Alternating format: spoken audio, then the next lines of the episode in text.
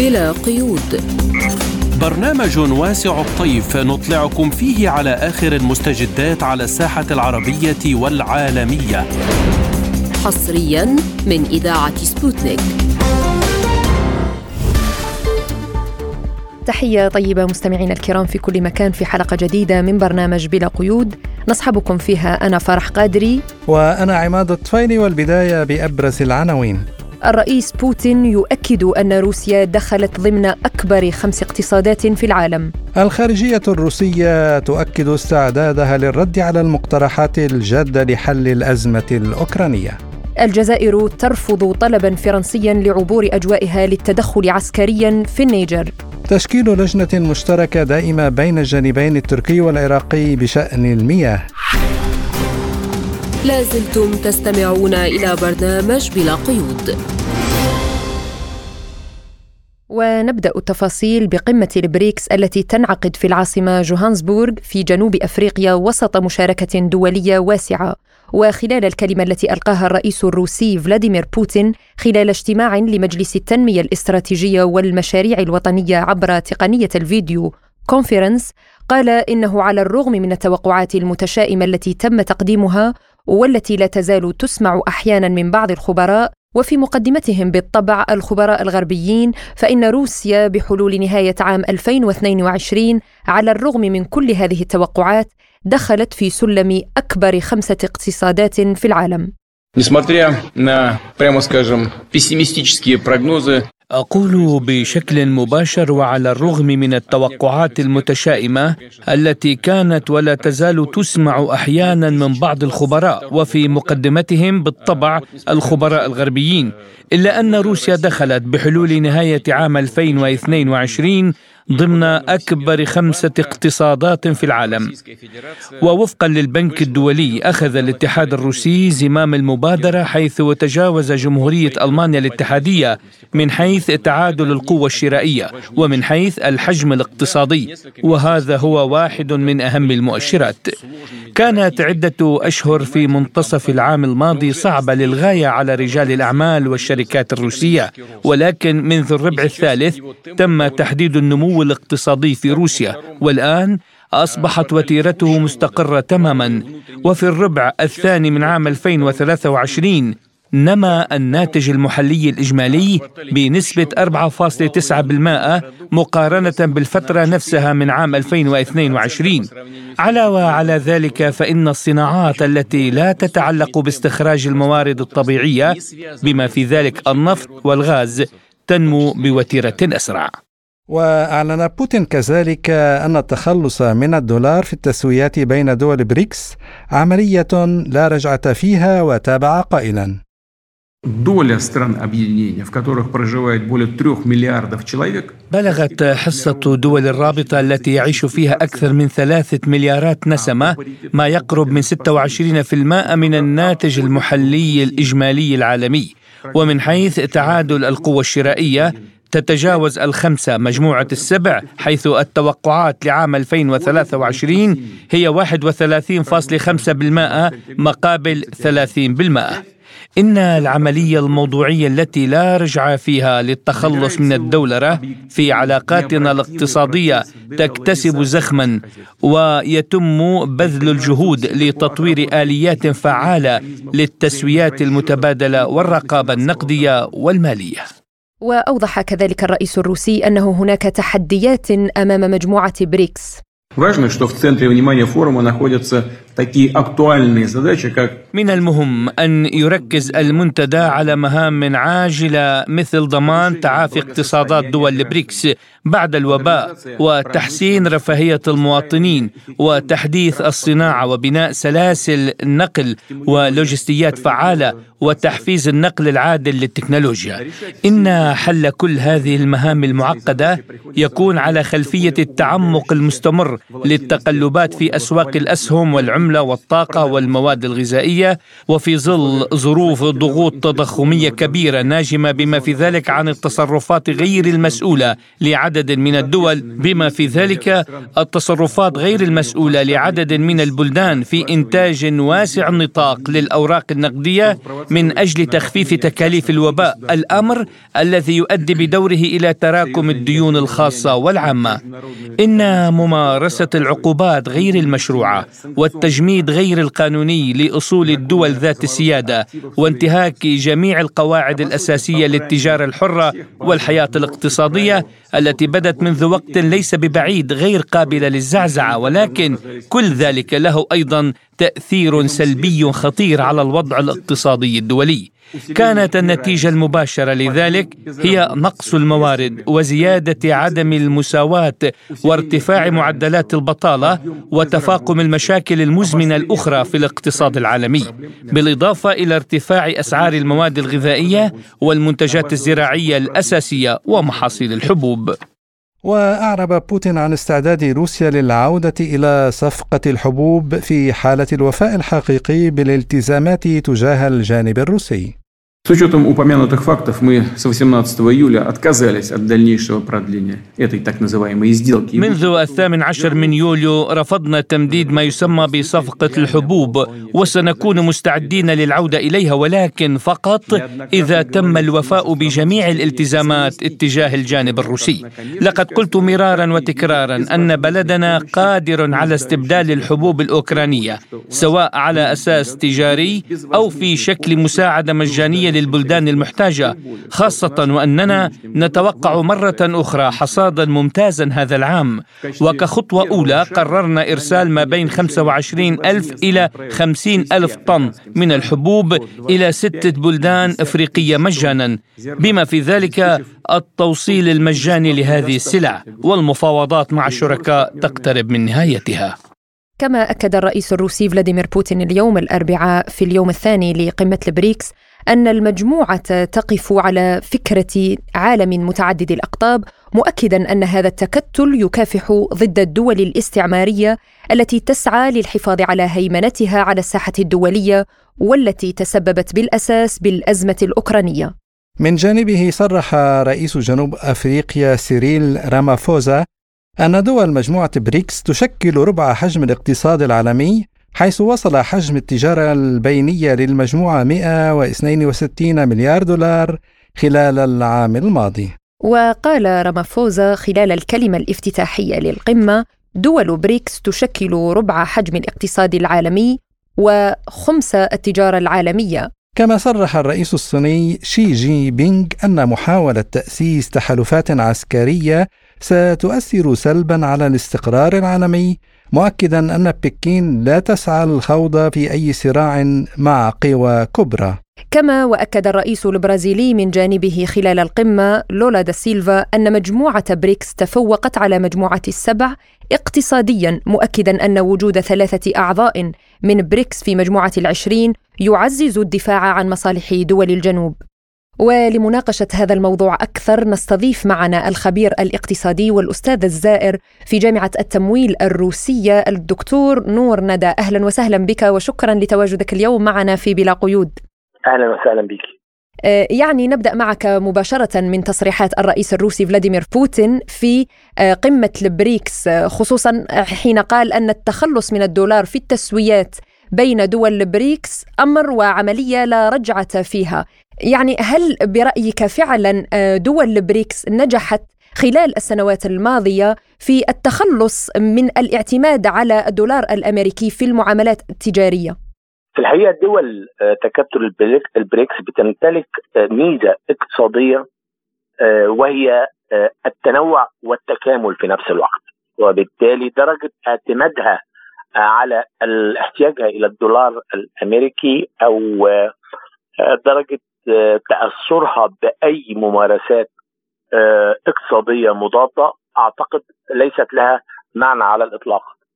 آه، زائد أن على مستوى العالم الأهمية النسبية أو مساهمة الدولار في تسوية المعاملات الدولية آه، انخفض صحيح مش كثير يعني انخفض في حدود 30% بس 30% دي نسبيا كتير أو مش كتير آه انخفض من 95% إلى حوالي آه 60% وبالتالي ما صرح به الرئيس بوتين آه بيعبر عن واقع اقتصادي حقيقي وأن العالم الجديد بدأت تظهر فيه قوة اقتصادية جديدة صاعدة تمثل حالة من حالات التمرد على نظام بريتن وودز وبتمثل حالة من حالات الرفض لممارسات الهيمنة التي تمارسها الولايات المتحدة الأمريكية عبر العمله عملة الدولار. ولهذا كلام الرئيس بوتين في مجمله. صحيح لكن نقدر نقول إنه ما زال الدولار بيلعب دور في حدود 60% ولكن أنا رأيي إن العد التنازلي قد بدأ وأن هناك مؤشرات لبزوغ قوة اقتصادية جديدة أمام محك حقيقي وهو إصدار عملتها. وأنا أعتقد إن إصدار عملة البريكس أمام الدولار سوف تكون خطوة استراتيجية مهمة في بناء نظام اقتصادي عالمي جديد متكامل ومتنوع في نفس الوقت. نعم دكتور نور طبعا مسافة الألف ميل تبدأ بخطوة يعني تعقيبا على كلام حديثك لكن بدي أسألك ما هي قراءتك لبقية تصريحات الرئيس الروسي في ظل التطورات الجيوسياسية لا سيما فيما يتعلق بصفقة الحبوب؟ الرئيس فلاديمير بوتين عمل يعني استعراض جيد لمجمل التحديات ولمجمل الفرص في نفس الوقت اللي موجودة في النظام الاقتصادي العالمي الجديد.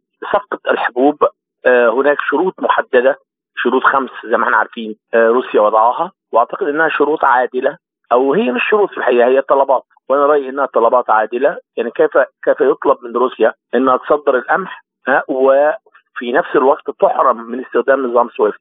كيف يطلب من روسيا أن تصدر القمح وفي نفس الوقت تحرم من أي خدمات لوجستية للسفن الروسية في مواني دول العالم وفي نفس الوقت الدول سفن الدول الأجنبية التي تأخذ الحبوب من روسيا أيضا تحرم من هذه الخدمات، كيف يمكن أن نطلب من روسيا أن تصدر القمح وفي نفس الوقت نحرم روسيا من أي غطاء تأميني سواء للبضائع أو للسفن أو للأشخاص اللي على المراكب الروسية. أنا أعتقد إن في ظلم باين في الحقيقة وأنا أعتقد إن روسيا اظهرت يعني حنكة شديدة جدا عندما اعلنت أن انها على استعداد انها لن تمنع القمح عن الدول الفقيرة وانها على استعداد وانها على استعداد أن تمنح هذه الدول القمح بالمجان ودون أي شروط.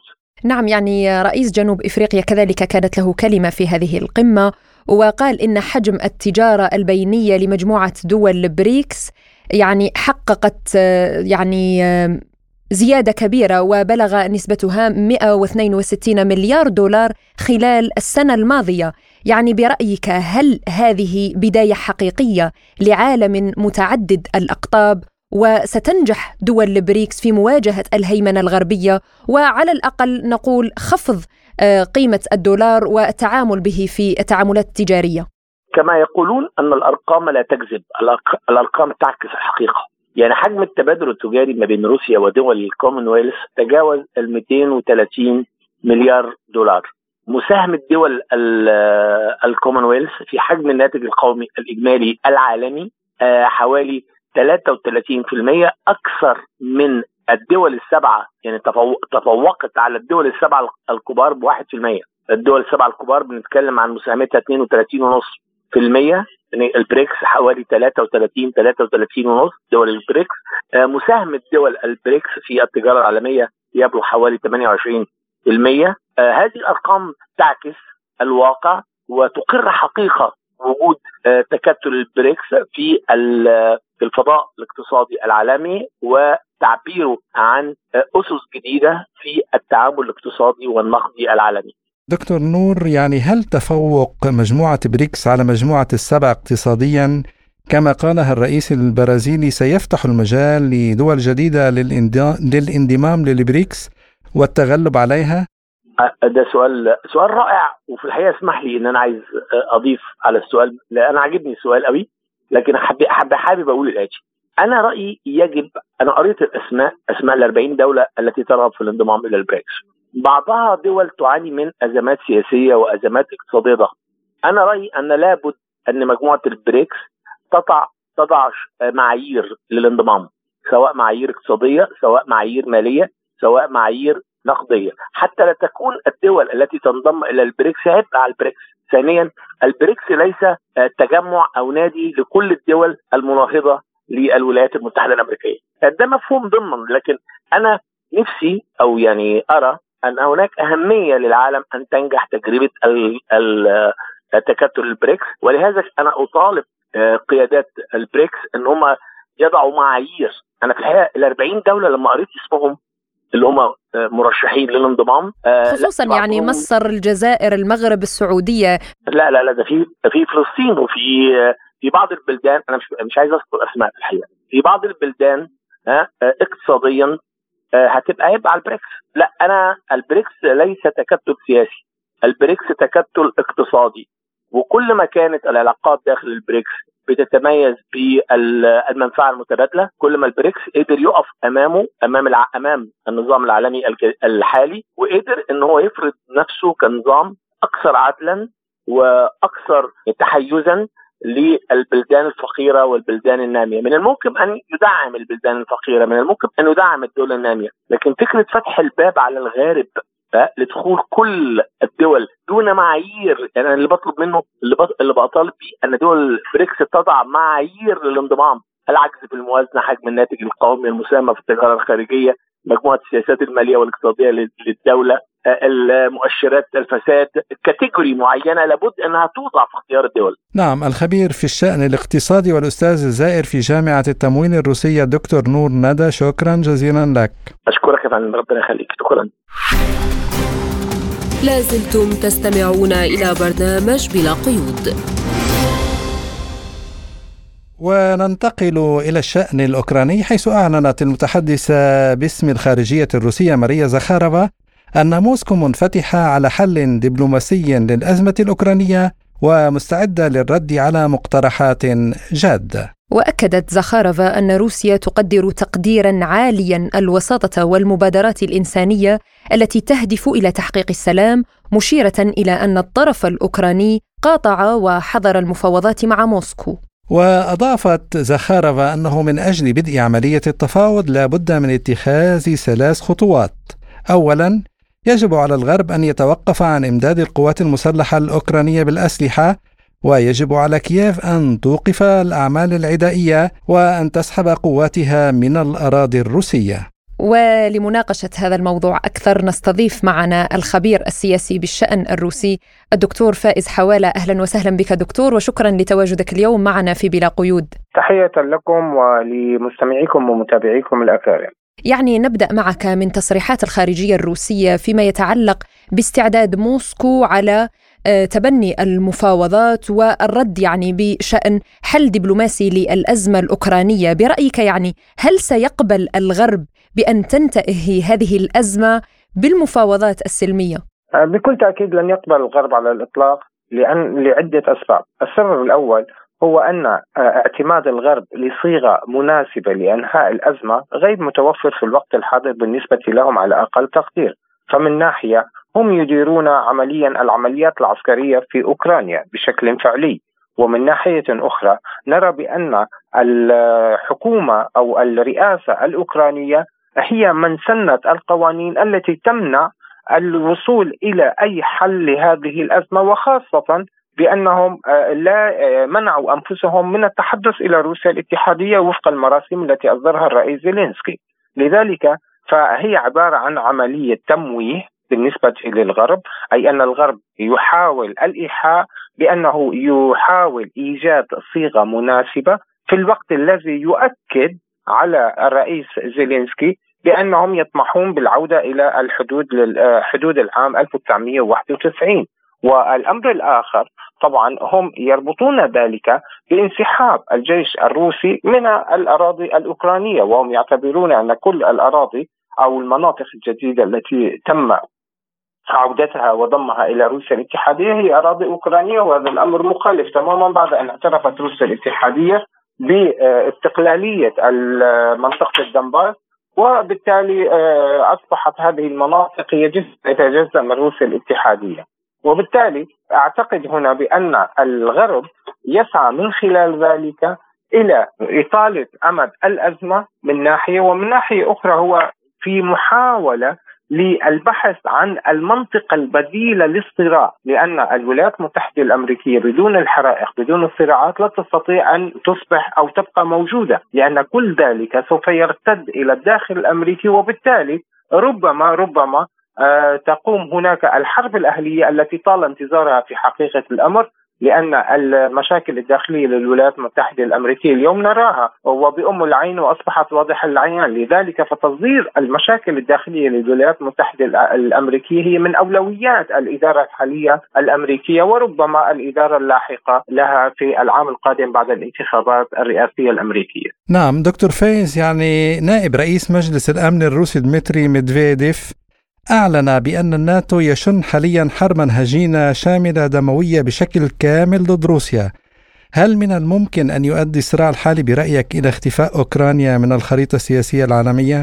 آه، طبعا هذا الأمر تحدثت به الجهات المختلفة الروسية منذ بداية الصراع أي منذ العام 2014 في حقيقة الأمر وليس منذ بداية العملية العسكرية الخاصة وهي أن أي تحرك لأوكرانيا باتجاه الناتو هذا يعني أنه ربما سوف تختفي من الخريطة السياسية وهذا التعبير يعني بأن هناك سوف تكون نهاية لهذا الحكم النازي الجديد الذي تدعمه القوى الغربية والذي تستخدمه القوى الغربية والأنجلوساكسون تحديدا. من أجل آه، حرب هجينة آه، ضد روسيا الاتحادية رغبة منهم في إلحاق هزيمة استراتيجية بروسيا الاتحادية ومحاولة تقسيمها والسيطرة على خيراتها وثرواتها أو كما قال ممثل الخارجية الأوروبية بارين بأن روسيا الاتحادية بالنسبة لهم هي عباره عن محطة لتزويد بالوقود ولكن تمتلك آه، أسلحة نووية، اذا الحرب الهجينه هي الحرب التي يتبعها الغرب عموما بعد إن بعد أن لاقى خسائر كبيرة أي القوات الأمريكية تحديدا سواء كان في العراق أو في أفغانستان أو في أي منطقة أخرى دخلوها لنشر ديمقراطيتهم وبالتالي اتبعوا أسلوب جديد وهذا الأسلوب الجديد هو عبارة عن الحرب بالوكالة وإيجاد العدو الوهمي بين مزدوجين كإيجاد القاعدة أو هيئة تحرير الشام أو جبهة النصرة أو داعش. كلها هي عبارة عن أعداء وهميون وهم من يقوم بتشكيلهم ودعمهم ماديا ولوجستيا وبالأسلحة وبكل متطلباتهم من أجل تبرير وجودهم في أي منطقة أخرى من العالم. ولكن في حقيقة الأمر بالنسبة لأوكرانيا اختلف الأمر بعض الشيء على الرغم من أنهم شكلوا هناك ما يسمى مثلا على سبيل المثال بالفيلق الأجنبي أو الفيلق المتطوعين وكلهم عبارة عن متطوعين بين مزدوجين وهم في حقيقة مرتزقة. الامر مرتزقة تماما مرتزقة ومعظمهم هرب من الجبهة إلى الخارج هذه بحسب تصريحات الوزير لافروف ووزير الدفاع أيضا الروسي عندما تحدث عن العدد الذي كان وما تبقى منهم ومن ضمنهم من الولايات المتحدة الأمريكية أو من بريطانيا والذين خاضوا حروبا بالوكالة أو الحروب الهجينه في مختلف بقاع العالم التي لامستها الديمقراطية الأمريكية كأحد البريطانيين الذي حارب في العراق وحارب في أفغانستان وحارب في سوريا وانتهى به المطاف في أوكرانيا. هي هذه هي الحرب الهجينه التي تستخدمها أي لا تحاول بشكل رسمي دخول الجيوش النظامية ولكن في حقيقة الأمر اليوم ما نراه في آه، أوكرانيا أو على الأرض الأوكرانية هو وجود المعدات العسكرية الأوروبية أو الغربية أو الأمريكية إضافة إلى من آه، أسميناهم بالمرتزقة أو المتطوعين وهذا لا يغير في حقيقة الأمر أي شيء. آه، دكتور يعني نقف عند المعدات العسكرية الغربية التي تستخدم في الأراضي الأوكرانية. روسيا تريد السلام والغرب يريد إنهاكها وإضعافها اقتصاديا وأيضا استخدام أوكرانيا كأرضية للمعركة. المملكة المتحد المتحدة خصصت آه، حوالي 245 مليون دولار آه، لأوكرانيا لشراء الوقود النووي برأيك يعني هل لندن اليوم تدخل على خطة جديدة لتقديم الدعم العسكري لأوكرانيا آه، وأسلحة أكثر فتكا في المستقبل؟ لا بل ذهبت أبعد من ذلك بكثير فاليوم هي تدرب المرتزقة الأوكرانيين لإرسالهم إلى أفريقيا لتشويه سمعة روسيا الاتحادية. أما بالنسبة للوقود النووي الذي تحدثتم عنه فما هو إلا من أجل أن تبقى أوكرانيا متحضرة بين مزدوجين للموسم الشتاء القادم من ناحية ومن ناحية أخرى لإمداد من خلال محطاتها الكهربائيه أو النووية للدول المجاورة لأوكرانيا.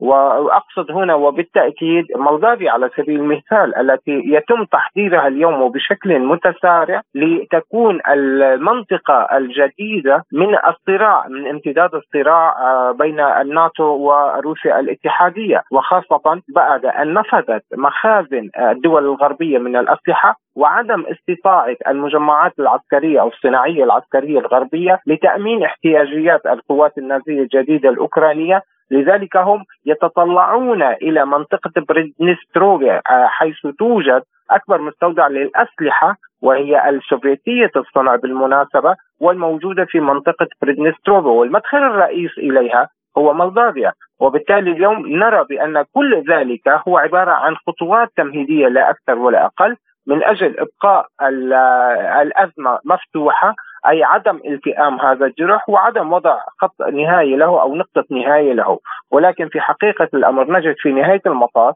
بأن الدول الغربية تستنزف نفسها ولا تستنزف روسيا على سبيل المثال. نعم دكتور فايز الولايات المتحدة الأمريكية أوصت أوكرانيا بتركيز قواتها في اتجاه واحد فهل تحاول واشنطن تبرير فشل الهجوم المضاد الذي شنته القوات الأوكرانية بهذه الطريقة؟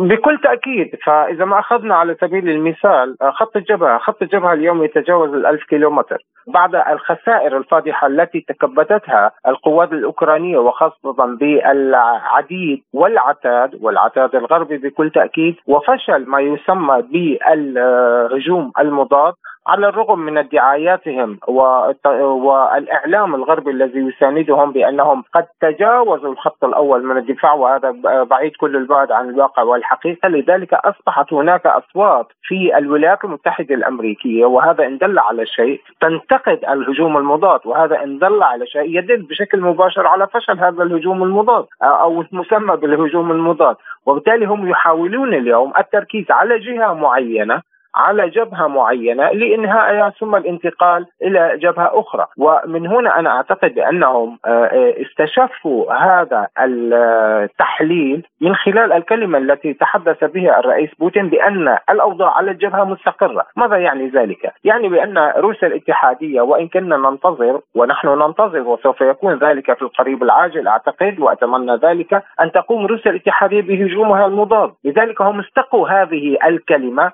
الأوضاع مستقرة أي أنه لا يوجد هناك أي تحركات توحي بقيام روسيا الاتحاديه بهجومها المضاد. لأنه في حال قيام بهجوم المضاد وأنا أعتقد بأنه سوف يتم تحرير مدينة كييف وكذلك مدينة أوديسا. وهذا الأمر يعني بالنسبة لهم هو الخسارة النهائية والانهيار الكامل. للدولة الأوكرانية مرة أخرى وهذا ما نربطه بالحديث آه، حديث دمتري ميدفيديف حول هذا الموضوع بأن آه، بأن أوكرانيا سوف تختفي من الخريطة السياسية وبالتالي سوف يكون هناك دولة جديدة يقودها سياسيون هم يؤمنون بأن الأخوات الثلاث سوف تبقى اخوات ثلاث وأن الجار الروسي والأخ الروسي هو أقرب بكثير من أي جار غربي أو أوروبي شرقي أو ناتاوي وهذا الأمر يصبح طبيعة وحقيقة واقعة وتكون بذلك النقطة النهائية في هذه الأزمة الأوكرانية.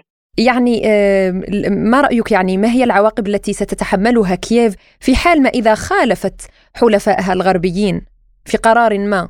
طبعا الغرب يتحدث وبشكل فاضح وبشكل صريح بأنه اليوم لولا المساعدات الغربية سواء كانت مادية أو عسكرية لكانت انتهت اوكرانيا أوكرانيا منذ زمن طويل. وهذا واقع وحقيقة. يعني مثلا اليوم نرى بأن الاتحاد الأوروبي يقدم فقط مساعدات مادية كل شهر بمقدار 1.5 مليار يورو. هذا فقط من أجل دفع رواتب الموظفين رواتب العمال رواتب العسكر وما إلى غير ذلك على الرغم على الرغم من أن الدولة الأوكرانية تخفي عدد قتلاها وتعتبره تعتبرهم في عداد المفقودين وليس القتل على الرغم من أنهم قتلى من أجل أن لا تدفع لهم آه، بدل والتعويضات عن القتل أو الموت. لذلك اليوم فعلا إذا ما قامت هذه الدول الغربية بقطع أو تنقيص أو آه، عدم تزويد أوكرانيا بالموارد المالية والمعدات العسكرية فهي سوف تنتهي بين ليلة وضحاها بكل تأكيد. الخبير في الشأن الروسي الدكتور فايز حوالة كنت معنا من موسكو شكرا جزيلا لك دكتور فايز. أهلا وسهلا بكم. لازلتم تستمعون إلى برنامج بلا قيود. وإلى الشؤون الأفريقية وما يجري في النيجر رفضت الجزائر إعطاء ترخيص لفرنسا لعبور الأجواء الجزائرية من أجل تنفيذ هجوم وشيك على النيجر. ونقلت الإذاعة الجزائرية الحكومية عن مصادر وصفتها بالمؤكدة والموثوقه قولها إن التدخل العسكري في النيجر بات وشيكا والترتيبات العسكرية جاهزة. وأضافت المصادر أن الجزائر التي كانت دائما ضد استعمال القوة لم تستجب للطلب الفرنسي بعبور الأجواء الجوية الجزائرية من أجل الهجوم على النيجر وردها كان صارما وواضحا. ومن جانب آخر نفى الجيش الفرنسي تقديم هذا الطلب المتعلق باستخدام الأجواء الجزائرية في عملية عسكرية مرتبطة بالنيجر وقال قائد أركان الجيش الفرنسي تييري بوركار في تصريحات صحفية إن بلاده لم تطلب استخدام الأجواء الجزائرية في عملية عسكرية بالنيجر دون الإدلاء بالمزيد من التفاصيل. وحول نفي فرنسا لهذا المطلب يقول البرلماني الجزائري علي ربيج لبرنامج بلا قيود اولا أنا أعتقد أنه التكذيب الفرنسي يأتي بعدما نقلت وكاله الانباء الجزائرية وكذلك الإذاعة الجزائرية. على أساس أنه كان فيه طلب رسمي من قبل السلطات الفرنسية للسلطات الجزائرية بسمح لها باستعمال الأجواء الجزائرية في إطار التحضير للعمليه العسكرية في النيجر التي ستقودها مجموعة الإخوان. ولكن تكذيب الجزائري اليوم أصبح واضح ولا غبار عليه وإن كان السلطات الفرنسية تحاول أنها من خلال رئيس الأركان الفرنسي ومن خلال بعض المنابر الإعلامية أنها تكذب هذا الخبر وبأن فرنسا لم تقدم أي طلب رسمي للجزائر. ولكن مهما كان الذي حدث هو يبقى موقف الجزائر ثابت في هذه المسألة على أساس أنه الجزائر ترفض الحل العسكري وهي تسعى إلى لعب دور وسيط أو على الأقل تدفع نحو المقاربة السلميه وهو الدفع نحو الحوار والتفاوض بين الأفارقة في حد ذاتهم أو بين مجموعة الاخواس والمجلس العسكري الانقلابي في النيجر.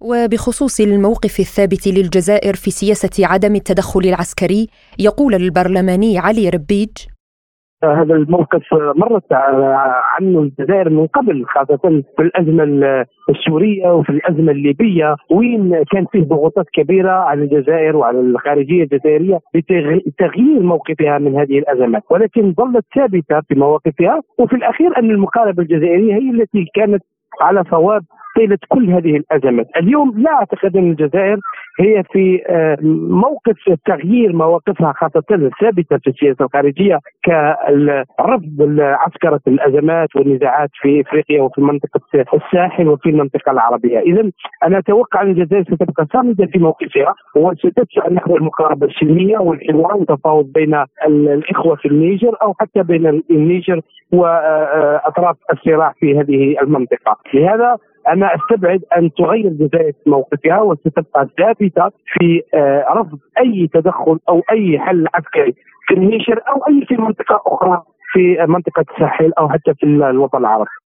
وعن ادعاءات فرنسا بأن الأخبار كاذبة وخالية من الصحة يقول ربيج هو بالنسبة للخبر آه، آه، طلب الفرنسي لاستعمال الأجواء الفرنسية عفوا بالنسبة للخبر اللي اذاعته الإذاعة الجزائرية على أساس أنه كان فيه طلب رسمي من قبل السلطات الفرنسية للجزائر باستعمال اجواء في هذه العملية. العسكريه هذا مصدر موثوق منه الإذاعة هي تقريبا اللسان الناطق باسم الحكومة الجزائرية ولا أتوقع أن يتم نشر مثل هكذا خبر دون التأكد منه، لكن في المقابل يبدو انه السلطات الفرنسية وأن الجيش الفرنسي في حالة إحراج لأنه في العادة أنه يطلب ولا يرفض له طلب ولكن هذه المرة يبدو أن المواقف الجزائرية أصبحت صارحة وواضحة ولا تقبل أي مساومة أو أي ضغوطات سواء من فرنسا أو من أي أطراف أخرى.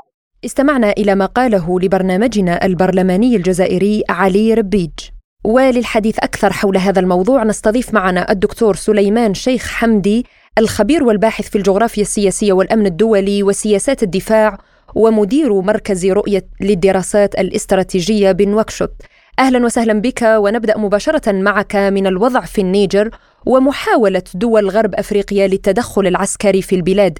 هل فعلا لدى إكوس القدرة والشجاعة على ذلك؟ السلام عليكم. خليني نحكي لك من خلال المعلومات وبحثي عن الموضوع ومش متوفر في الإعلام يعني بشكل بشكل كبير. إنه فرنسا بدها كانت تتدخل يعني آه، من اليوم الثالث لكن نظرا لتعقيدات اللوجستية والتعقيدات العسكرية خاصة ما يتعلق بالتواجد الروسي في مالي والتواجد الروسي في ليبيا والتواجد التركي في ليبيا والجزائر. هذه جعلت آه، يعني العمل العسكري اللي كانت فرنسا بدها تقوم به ثاني يوم يعتبر معقد أو شبه فاشل وهذا هذه هو كان كان كان الخيار اللي وصلت له الولايات الأمريكية. فاوعزت فرنسا أنه العمل العسكري بهذه الطريقة محكوم عليه بالفشل لذلك أمريكا لم تتدخل أي أن القواعد الامريكيه في النيجر في غرب إفريقيا افريكوم لن تساعد فرنسا بها لذلك فرنسا اجلت الموضوع رغم أنها في اليوم الثاني حركت قواعد في جيبوتي لكن غيرت الموضوع. حاولت أن تكون سيدياو هي الغطاء والتدخل لكن جيوش سيدياو ليست جاهزة. للتدخل العسكري المباشر في النيجر. الآن فرنسا بدأت تعمل يعني لا تريد التدخل بشكل مباشر لكن على الأقل تعمل تنغص الجو على النيجر فبدأت تستثمر في جماعات إرهابية وهذا ليس سرا. اطلقوا لهم واحد أو اثنين كانوا محجوزين عندهم عملوا آه، مقابلة في فرنسا كانت مع مع زعيم هذا الحين العملية قبل تقريبا ثلاث أسابيع في الحدود بين مالي والنيجر. الطيران الفرنسي تدخل لصالح الارهابيين وضرب فاغنر والجنود النيجيريين الآن آه، فرنسا تضرب جنوب جنوب ليبيا آه، بإيعاز وتعز لتشاد أنها تكون هي الغطاء وهي تضرب جنوب ليبيا مش قصد ضرب ضرب التشاديين لا هي قصد ضرب القوافل قوافل فاغنر اللي تذهب من ليبيا باتجاه النيجر ليبيا والنيجر عند نفس الحدود اذا فرنسا تحاول بكل الطرق إنها تجد طريقه تضرب بها النيجر أو تتدخل بها، لكن حتى الآن حتى الآن ليس هنالك قرار الأمريكية فرنسا تتدخل، قد تلجا فرنسا إلى عملية كوماندوس إلى لكن أيضا هذه محكوم عليها كل ما زاد الوقت كل ما صعب التدخل على على فرنسا. لكن نظرا في كبريائها نظرا لأنها أصبحت يعني نقول مصري ملطشه يعني كل واحد يجي يعمل اللي عايزه. هي لازم لازم يعني تقوم بعمل عسكري على الأقل يردها نوع من هذا. لكن حتى الحين حتى الحين تدخل أعتقد إنه بشكل يعني طبيعي بشكل عادي يعني إنه جيوش تدخل وكذا هذا مستبعد. لكن لابد لها من عملية عسكرية تقوم بها. الآن تخطط لعملية عسكرية قد تكون ضربة قد تكون كوماندوز قد تكون لكن أعتقد إنه إذا لم تجد من يساعدها في الداخل في داخل داخل النيجر وهذا هو تشتغل عليه الحين. الحين تشتغل الشقاق في وسط النيجر أو تمدهم بخلايا من الجيش وكذا ويكونوا هم العمود الفقري للعمليه هذا الخلاصة هو هو الموضوع. هناك معلومات تفيد بأن المغرب وافق على السماح لطائرات عسكرية فرنسية بعبور أراضيه للذهاب إلى النيجر بعد الرفض الجزائري. ما رأيك؟ هو هنالك حلف حقيقي بين هي منطقة صارت أحلاف يعني بدون بدون مواربة صارت أحلاف. نحن عندنا حلف المغرب السنغال نيجيريا والدول هاي الإفريقية الصغيرة باستثناء مالي وبوركينا فاسو. هذا معروف عنه هو الحلف الغربي اللي يشتغل عليه. موريتانيا في الوسط. هل تستطيع يعني أن تملك الشجاعة انها تقول أنا مع الحلف الفرنسي ولا تستطيع أن تملك الشجاعة تقول أنا لست بالحلف الفرنسي لأنها علاقاتها قوية مع الجزائر. وتعرف خطورة في حلف معين وتبعات إنه الطيران الفرنسي يعبر أجواءه وكذا. لكن المغرب قد يقدم دعم دعم لوجستي خاصة من خلال قواعد قواعد الدرونات وقواعد القواعد الإسرائيلية في المغرب يقدم دعم حقيقي يعوض يعوض يعوض الدعم اللي فقدوا اللي فقدوا فقد فرنسا في مالي هذا. لكن إذا اخترقت الطيران الفرنسي أجواء المغرب حتما سيمر عبر موريتانيا وعبر مالي. بالتالي مالي لا يمكن يمر عبرها لأنها مالي يمكن يمر عبر موريتانيا لكن مالي لا يمكن يمر عبرها لأنها مالي متريزيتها روسيا. بالتالي ما في مجال كان يمر عبر ليبيا يدخل من ليبيا وهذا يعني يكون من القواعد اللي موجودة في فرنسا يذهب باتجاه ليبيا ويدخل أو إنه يعمل لفة كاملة بجنوب لين لين خليج غينيا ويدخل باتجاه هذه. فإنه المغرب أكيد تسمح له باستخدام اجواء بل هي بل هي مخالفة في العملية هذه. في عملية معقدة يا أستاذ جمال فيه عملية مع... كمال عملية معقدة تجري الآن. تجري الآن خيوطها. أنت تصدق إنه فيه وطبعا أنت تعرف هذا إنه فيه مناورات عملتها روسيا أعتقد إنه لا زالت جارية وقبل يومين بين البحر الأسود والمحيط الأطلسي وأنه الآن القواعد الجزائرية قواعد قاعدة الوطنية الليبيا لتركيا قواعد فاغنر في روسيا في ليبيا وقواعد في مالي وبوركينا فاسو. هذه كلها الآن متحركة ومتحفزة للعملية هذه لأنه هي ما عملية بسيطة فقط طيرانية هي عملية معلوماتية استخبارات مع عملية معقدة. بالتالي ما يعني ما جعل فرنسا حتى حتى الآن لم تضرب ليس يعني اشفاقا على النيجر وإنما فقط الخوف من تبعات الضربة. فإذا إن قاعد تحسبها 100% هل تنفذها من تشاد؟ هل تنفذها من ليبيا؟ هل تنفذها من آه، نيجيريا؟ هل تنفذها بكوماندوز هل تنفذها؟ وكل الحسابات معقدة بالنسبة لكن فرنسا لابد أن تضرب. لابد أن تضرب ولو تعمل عملية مشرط جراح كما يقال. اليوم يعني دكتور وفي ظل الظروف الجيوسياسية المتقلبة في العديد من الدول وخاصة في ظل الأزمة الروسية الأوكرانية. قمة البريكس تحمل العديد من الرسائل للعالم. ما رأيك في انعقادها في هذا السياق الإقليمي والدولي والتوقيت تحديدا؟ آه، هي تعتبر قمة انعطافة في مجموعة البريكس. ذلك أنها فعلا تشهد تحول كبير في اتجاه التوازنات الدولية والتحالفات الدولية ليس فقط من الناحية الاقتصادية وإن كان هو العنوان الأبرز لهذه الدول.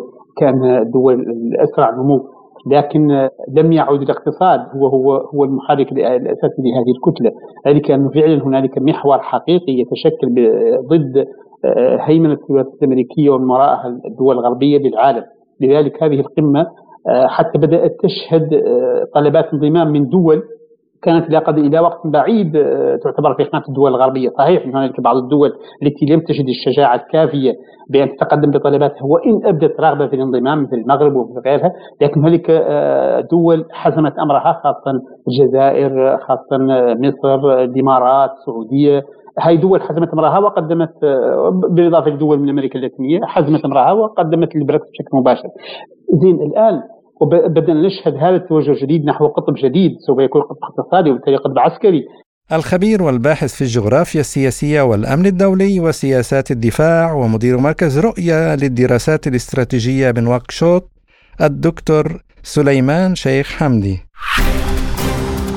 لازلتم تستمعون إلى برنامج بلا قيود. وننتقل إلى شؤون الشرق الأوسط حيث أعلن وزير الخارجية التركي هاكان فيدان تشكيل لجنة مشتركة دائمة مع الجانب العراقي بشأن المياه كما دعا دول المنطقة لدعم مشروع طريق التنمية لربط دول الخليج وآسيا مع أوروبا عبر العراق. وللتعليق على هذا الموضوع إليكم ما يقوله لبرنامجنا بهذا الصدد خبير في الشأن العراقي والإقليمي الدكتور علي التميمي. أكيد خطوة في الاتجاه الصحيح لأنه عادة الاتفاقيات الثنائية بين الدول وفق القانون الدولي هي التي تحكم الأمور يعني وفق القانون الدولي الخاص. الاتفاقيات الثنائية بين الدول هي التي تحل المشاكل العالقة فيما يتعلق بالموضوع. المياه بين دول المنبع والمصاب والمتشاطئه يعني لا يتم اللجوء إلى قانون البحار 1982 أو إلى الاتفاقيات الدولية بشأن الدول المتشاطئه أو قوانين المياه والانهر إلا بعد أن يتم التأكد من عدم وجود اتفاقيات ثنائية، هذه الاتفاقيات الثنائية هي المحور الأساس في العلاقه بين دول المصاب، المنبع، الدول الوسطية بالنسبة للمياه أيضا. هذه طبعا بين العراق وتركيا لا توجد اتفاقيات واضحة بشأن بشأن المياه.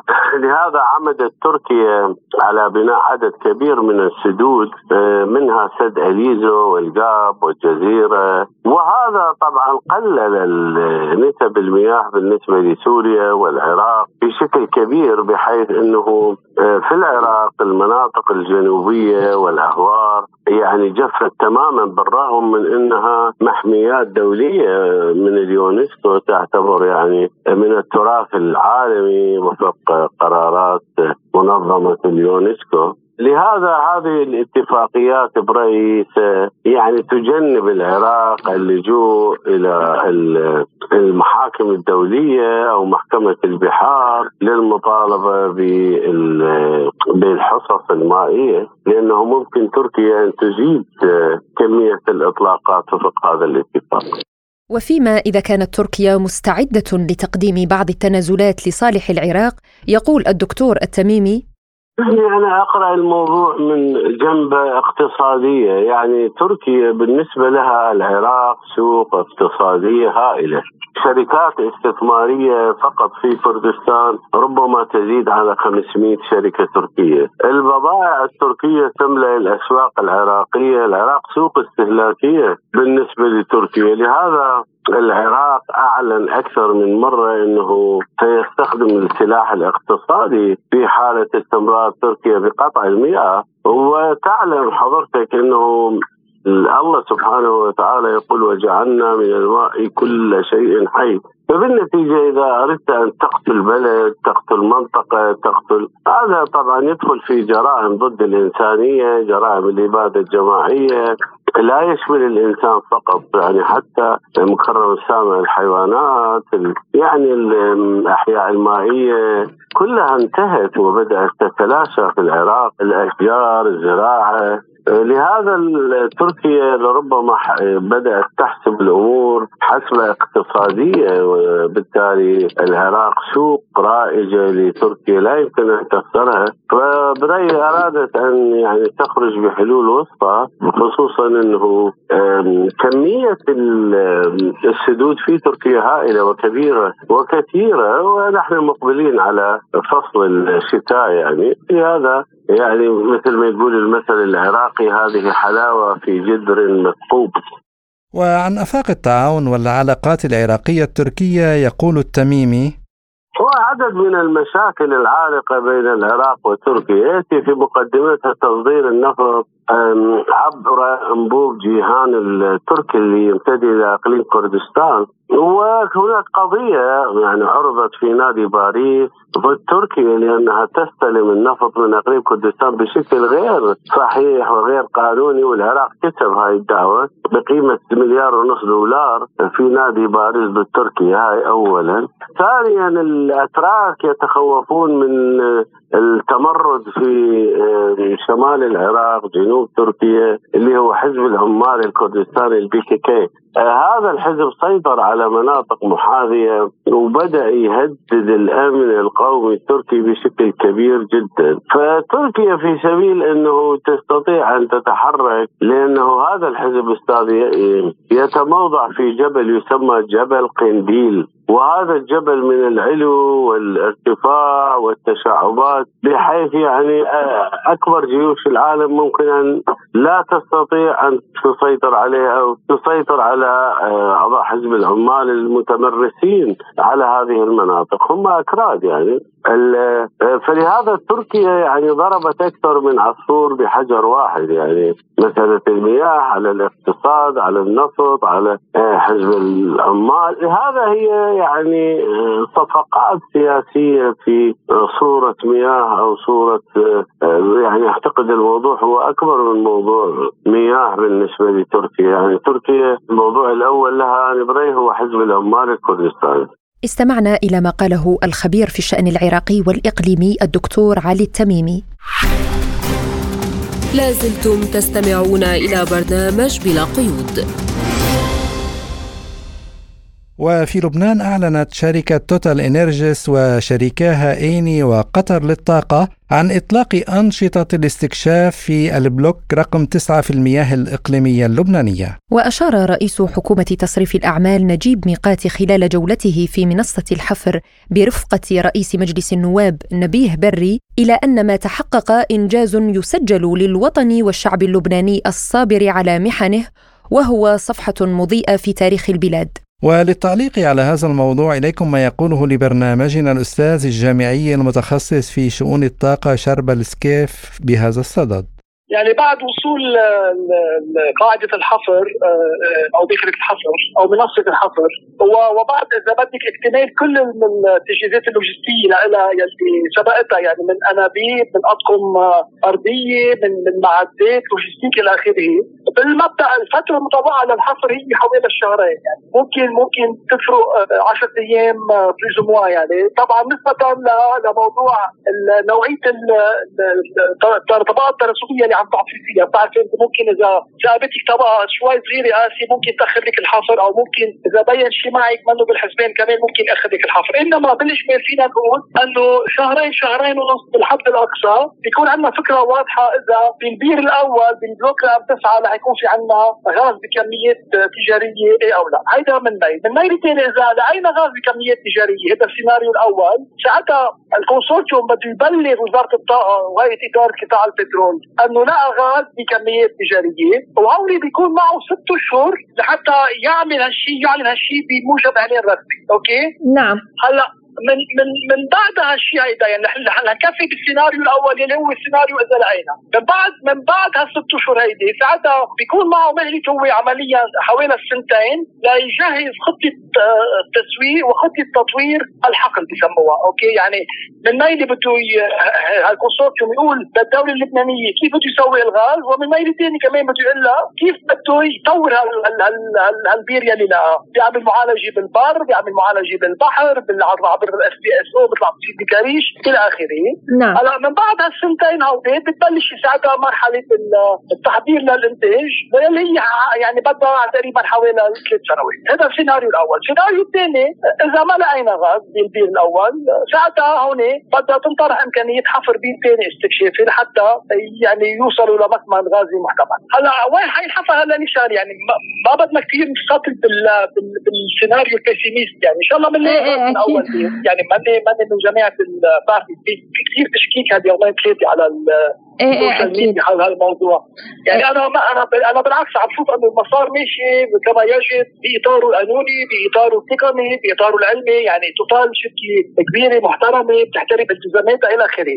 هلأ البير الثاني ساعتها بدها تحدد توتال بناء على معطيات البير الأول. يعني البير الأول بكل الأحوال يعني إذا ما لقيت بس إنها بخليها تفهم لتوتال تركيبة الطبقات الترسبيه وال composition chimique و organique تبع كل شيء موجود تحت تحت البحر OK نعم. هيك ساعتها هي في حال ما لقيت فيها تعمل تصحيح يعني بسموها rectification يعني. مثل واحد يعني آه قوص أول مرة ما صاب بيرجع بيعمل تصحيح رمي. يعني البير الأول إن شاء الله بنلاقي بنغري من خلاله إنما إذا ما لقينا رح يكون إذا بدك نتعلم منه كثير أشياء خاصة على المستوى الفهم أحسن لطبقات الترسبيه وتركيبتها وكيف مكونة وكيف بفوق بعض.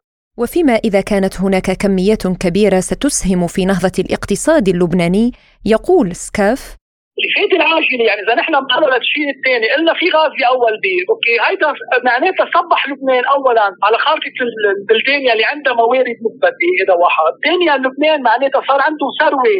حتى لو مش رح تترجم فورا إلى إلى إلى مصاري إنما هالثروة هيدي بتحسن له أكيد تصنيفه السيادي وتنعكس ايجابا على على بدك المنحى العام للبلد يعني على الفئة الإجمالية بالبلد، هلأ طبعا طبعا يعني هون ما بتعني إنه ما بدك تعمل إصلاح يعني الدولة اللبنانية مشكلة بالأساس مش وجود أو عدم وجود موارد، مشكلة بالأساس هي الفساد وعدم انتظام المالية العامة وعدم وجود اصلاحات، أوكي؟ نعم. فإذا النتيجة السريعة هي إعلان عن اكتشاف غازي الكمية التجارية، هلا النتيجة المؤجلة هي عمليا وقت تبلش انت استخراج فعلي، يعني الاستخراج الفعلي هو اللي ترجمته أنه بلش لك موارد مالية على على على على الخدمه نعم. أو على الصندوق السيادي. يعني إحنا بالمبدأ بدنا نفوت على الصندوق السيادي، هلأ نحن بلبنان كل شيء كل شيء مسير. نعم. شو هلا أول شيء قانون 132 يعني قانون الموارد البتروليه بالبحر. بيجبر في مادته الثالثه بيجبر انشاء ضرورة إنشاء صندوق سيادي، أوكي؟ الصندوق السيادي كل شيء وما عندك أنت آه، موارد مثبتة وعم تطلعيها ما, ما في ما في حاجة للاستعجال عليك، هذا هذا الفكر. موضوع إنه بنعمله اليوم عم نعمل بعد شهرين ثلاثة يعني في ناس عم بيقولوا لا خلينا أول شيء ننتخب رئيس جمهورية نعمل حكومه كامل الصلاحيات نعمل انتظام بالبلد أوكي. آه، ونرجع بعدين نحكي بالصندوق السيادي هالشيء صحيح يعني أنا برأيي ما في استعجال هالقد لحتى اليوم قبل على بكرة نعمل إقرار للصندوق السيادي استمعنا إلى ما قاله لبرنامجنا الأستاذ الجامعي المتخصص في شؤون الطاقة شربل سكاف أما الخبير الاقتصادي إيليا شوعي يقول في حديث لبرنامجنا عن قراءته لأهمية البدء بالتنقيب في البلوك التاسع. نحن آه، نجهل تماما ما هي شروط هذا التنقيب ونجهل تماما ما هي آه، حصة الدولة من أي اكتشافات لغاز أو نفط آه، ليس فقط في ذاك البئر إنما في بلوكات أخرى داخل بلوكات أخرى لماذا؟ لأنه ما في بعد ما في شركة وطنية للنفط تأخذ على عاتقها كل هذه المسائل انه صار في تعديلات على القانون الأساسي يلي صدر بال 2010 يلي نص صراحة على وجوب إنشاء أو تأسيس شركة وطنية للنفط تأخذ على عاتقها التفاوض مع الشركات حول الكميات وحول الحصص صار في تعديلات على هذا القانون واستبدلت الشركة الوطنية للنفط بشركات خاصة وسيطة. إذا نحن هذا الموضوع نحن كلبنانيين. نجهل تماما ماذا سوف نجني من هذا المورد آه، الغازي أو أو النفطي. هذه آه، أول ملاحظة، الملاحظة الثانية إنه ماذا جرى في البئر رقم أربعة في البلوك رقم أربعة، يعني بعد بعدنا لليوم يعني ما عم نعرف شو صار بالبلوك رقم أربعة ولماذا شركة توتال انسحبت من هذا البلوك منذ سنتين. ما عرفنا شو الأسباب. يقال إنه ما اكتشفت هذا ولكن في كمان كلام آخر على إنه لم تحفر العمق المفترض أن تحفره من أجل أن تصل إلى المورد الذي يعتبر موردا تجاريا. هلا ماذا سيحصل بالبلوك رقم تسعة؟ كمان لا ندري. يعني ما في من من يراقب هذه الشركة سيدي؟ مين؟ مين بده يراقبها؟ من؟ هل هناك ثقة بالجهات التي ستراقب؟ ما لا لا طالما تلك الجهات لم بعد ترد الحقوق المالية للبنانيين طالما تلك الجهات لم تحاسب بعد المرتكبين والمسؤولين عن نهب وسرقة اللبنانيين. إذا ما في ثقة. وعن العواقب المحتملة للتنقيب في المياه الإقليمية للبنان يقول الأستاذ يشوعي لا أعتقد لأنه بعد ما صار في الترسيم الدولي أنا ما بعتبره هذا ترسيم بين دولتين هذا ترسيم دولي الحدود البحرية بين لبنان وإسرائيل. بموافقة الفريقين وبرعاية أمريكية ما بعتقد أنه راح يكون في أي نزاع على أي شيء يعني أي كميات. يمكن أن تعود لاسرائيل يعني بدي أفترض أنه بكرة هذا البئر رقم تسعة في جزء منه داخل الأراضي الإسرائيلية في شركة توتال هون في اتفاق على هذا من ضمن ترسيم الحدود في اتفاق على إنه إذا اكتشفت كميات من الغاز داخل الأراضي الإسرائيلية ستعوض شركة توتال على إسرائيل بمبالغ معينة تتوافق مع الكميات المكتشفة. هيدا هيدا موضوع دولي بعد مرة دولي. لكن بما يخص لبنان والخزينة اللبنانية هون اليتيمة هون اليتم هون اليتم وهون التعتيم وهون العتمة الكاملة. ما هي الشركة الوطنية للنفط هي كانت مفترض بها أن آه، تنشأ تؤسس مع صندوق آه، سيادي هي هي تدير هذا الصندوق السيادي. هذه الخزينة اللبنانية شو بدها تجني بغياب شركة وطنية للنفط بغياب صندوق سيادي مترافق مع تأسيسها وإنشائها ومرتبط بها عضويا بغياب كل ذلك ما هي مرجعية؟ الحكومة ما لا ثقة.